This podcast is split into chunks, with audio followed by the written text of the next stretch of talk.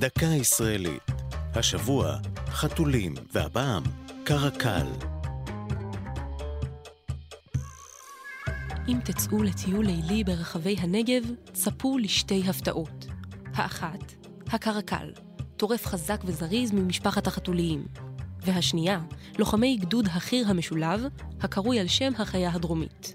הקרקל, חתול המדבר, הוא אחד הטורפים הגדולים בארץ. אורכו עד כמטר, פרוותו מותאמת לגוני המדבר, וסימן ההיכר שלו הוא אוזניו הארוכות, בעלות ציציות השיער השחורות.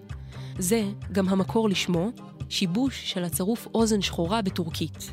הקרקל מסוגל לרוץ אחרי טרפו במהירות שיא, כשהוא מנטר לגובה שלושה מטרים כדי ללכוד ציפורים במעופן. יכולות מרשימות אלו הביאו את בני מצרים העתיקה לסגוד לו ולהנציחו בפסלים וציורים שנמצאו בקברים עתיקים. באזור מחייתו בנגב פעיל גם הגדוד הנקרא על שמו, שהוקם בשנת 2004. ביחידת קרקל משרתים יחדיו בנים ובנות. הם זכו לשם המחייב לא בכדי.